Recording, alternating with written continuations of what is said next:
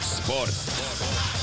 spordiminutid toob sinuni Unibet, mängijatelt mängijatele kell on kaheksa ja nelikümmend kolm minutit. spordiaeg on käes, spordiminutid, Ott Järvela, Katar, Doha, tere hommikust! tere hommikust ja meil siin on kahekümne seitsme, kaheksa kraadi kandis, kuidas teil? no meil ka. jah, meil ka. miinuses, miinuses jah? toas aga hommik. kas, kas elektri hind on tõesti vahepeal nii alla läinud, et oled toas kahekümne kaheksani kütnud? no hea küll, ma valetasin, meil on lihtsalt süda hästi soe. kahekümne kaheksane. aga äh, kuidas sina nüüd äh,, Ott äh,, kui kokku lood, lööd need kulud ja tulud, et praeguse seisuga oled sina emotsioonide äh, põhjal rahul sellega, et sa nii kaugele võistlust jälgima sõitsid? jaa, olen küll, kindlasti. Need emotsioonid, mida MM-finaalturniir pakub ja on seni pakkunud, need on olnud küll, on olnud küll väga erinevad, aga kahtlemata need on olnud sügavad ja, ja sellised eh, ikkagi hingeminevad moel või teisel ning eh, see, see, sellepärast selle MM-finaalturniiri koha pealt kajastamine minu jaoks on olnud, on olnud väga-väga huvitav.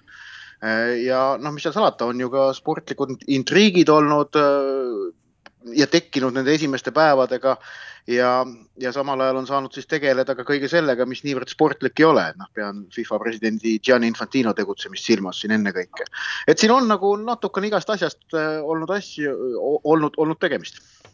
Ehk siis nüüd me saame tõesti äh, jaatava vastuse, kui me küsisime, küsime, et kas äh, tulevane maailmameister on juba väljakul käinud, kuna kõik meeskonnad on korra juba väljakul käinud, siis vastus on jah ja selles osas on sul kahtlemata õigus ja see on selline väga-väga õige järeldus aga, aga. kas sulle tundub, et sa nägid ära selle maailmameistri juba, et, et sellist nagu õhkub juba maailmameistri hõngu?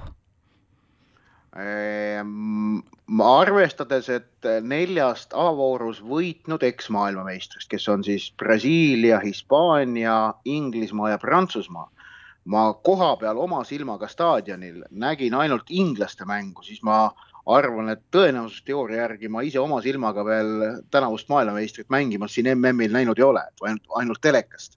et kui me lihtsalt tõenäosuse järgi hakkame võtma ehm, noh, Brasiilia eile õhtul oli, oli tegelikult muljetavaldav ja, ja nende mäng oli, oli ka ilus, nad lõid ka selle väga-väga tähtis brasiillaste sellisel jalgpalli hingel on, et nad lõid selle teise väga ilusa värava, see Richarlisoni üle puusa käärlöök või üle pea käärlöök noh, ilu, jalgpalli ilu on brasiillaste jaoks väga-väga oluline ja, ja ma arvan, see tõstis kõvasti nende enesekindlust.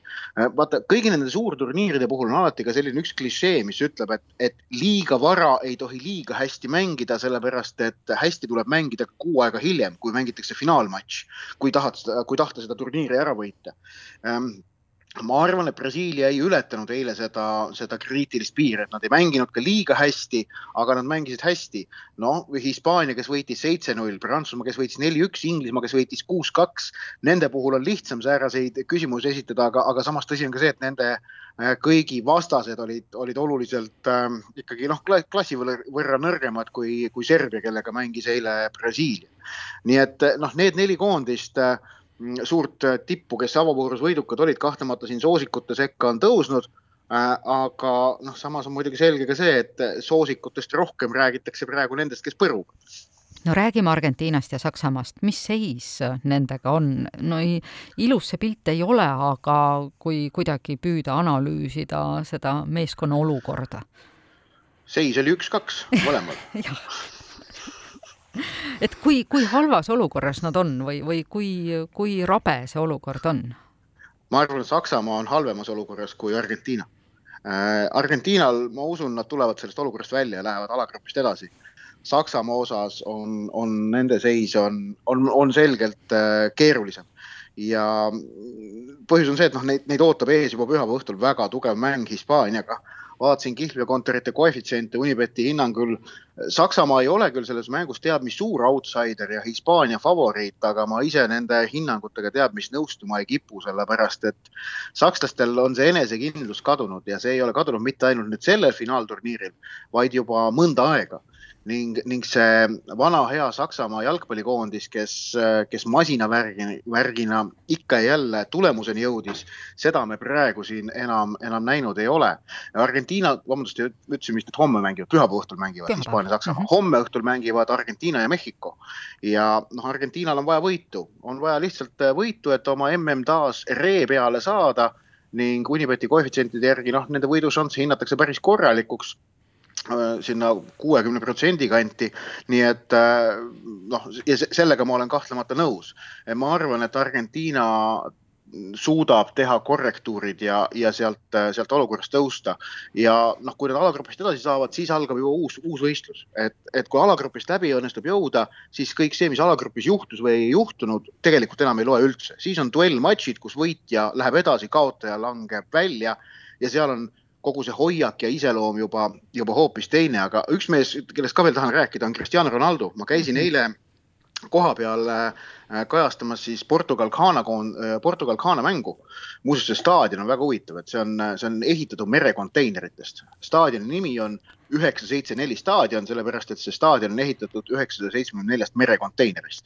no eks nad ole muid asju seal ka muidugi kasutanud betooni ja terast ja kõike muud, aga staadion väljaspoolt näeb välja nagu selline suur hunnik merekonteinereid mm. -hmm. Äh, väga huvitav ja aga, aga staadion siis seestpoolt eile nägi välja mitte nagu suur hunnik merekonteinereid, vaid nagu tohutu hulk portugallasi, keda tegelikult äh, staadionil oli vast mingi tuhatkond. aga kohalikud pealtvaatajad olid tulnud tõesti noh, ma arvan, mingi paarkümmend tuhat, kui mitte rohkem kõik tulnud vaatama Cristiano Ronaldot, mitte Portugali, mitte jalgpalli, mitte midagi muud, vaid Cristiano Ronaldot. kui Ronaldo esimest korda palli puutus, terve staadion röögib, noh, see on see Ronaldo väravatähistus on ju. kui, kui näidati mängueelse rivistuse eel, kuidas äh, mängijad on tunnelis sinna rivistunud, valmis sissemarsiks, kaader liikus Ronaldo peale, staadion röögib vaimustusest see on fenomenaalne näha, kuidas äh, üks, üks inimene on suuteline selliseid tundeid tekitama, kas see on mõistlik, no selle üle me võime muidugi vaielda, aga, aga fakt on see, et ta sääraseid tundeid ja emotsioone tekitab.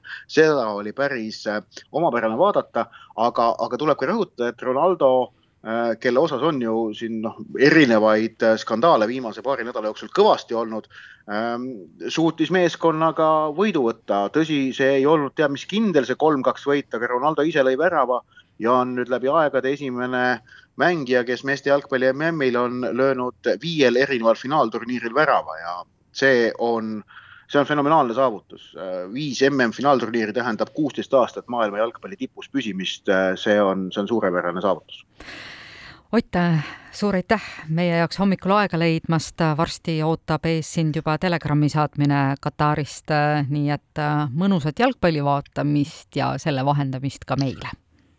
kas ma tohin lõpetuseks tervitada ka? jaa, muidugi võid, kas sa tahad nüüd soovilugu ka, ma äkki ei leia nii kiiresti üles või piirdud lihtsalt tervitusega? Mul on isal täna sünnipäev, palju õnne minu isale! palju õnne Oti isale, tubli poeg on kasvatatud üles, aitäh, Ott! sport. spordiminutid toob sinuni Unibet, mängijatelt mängijatele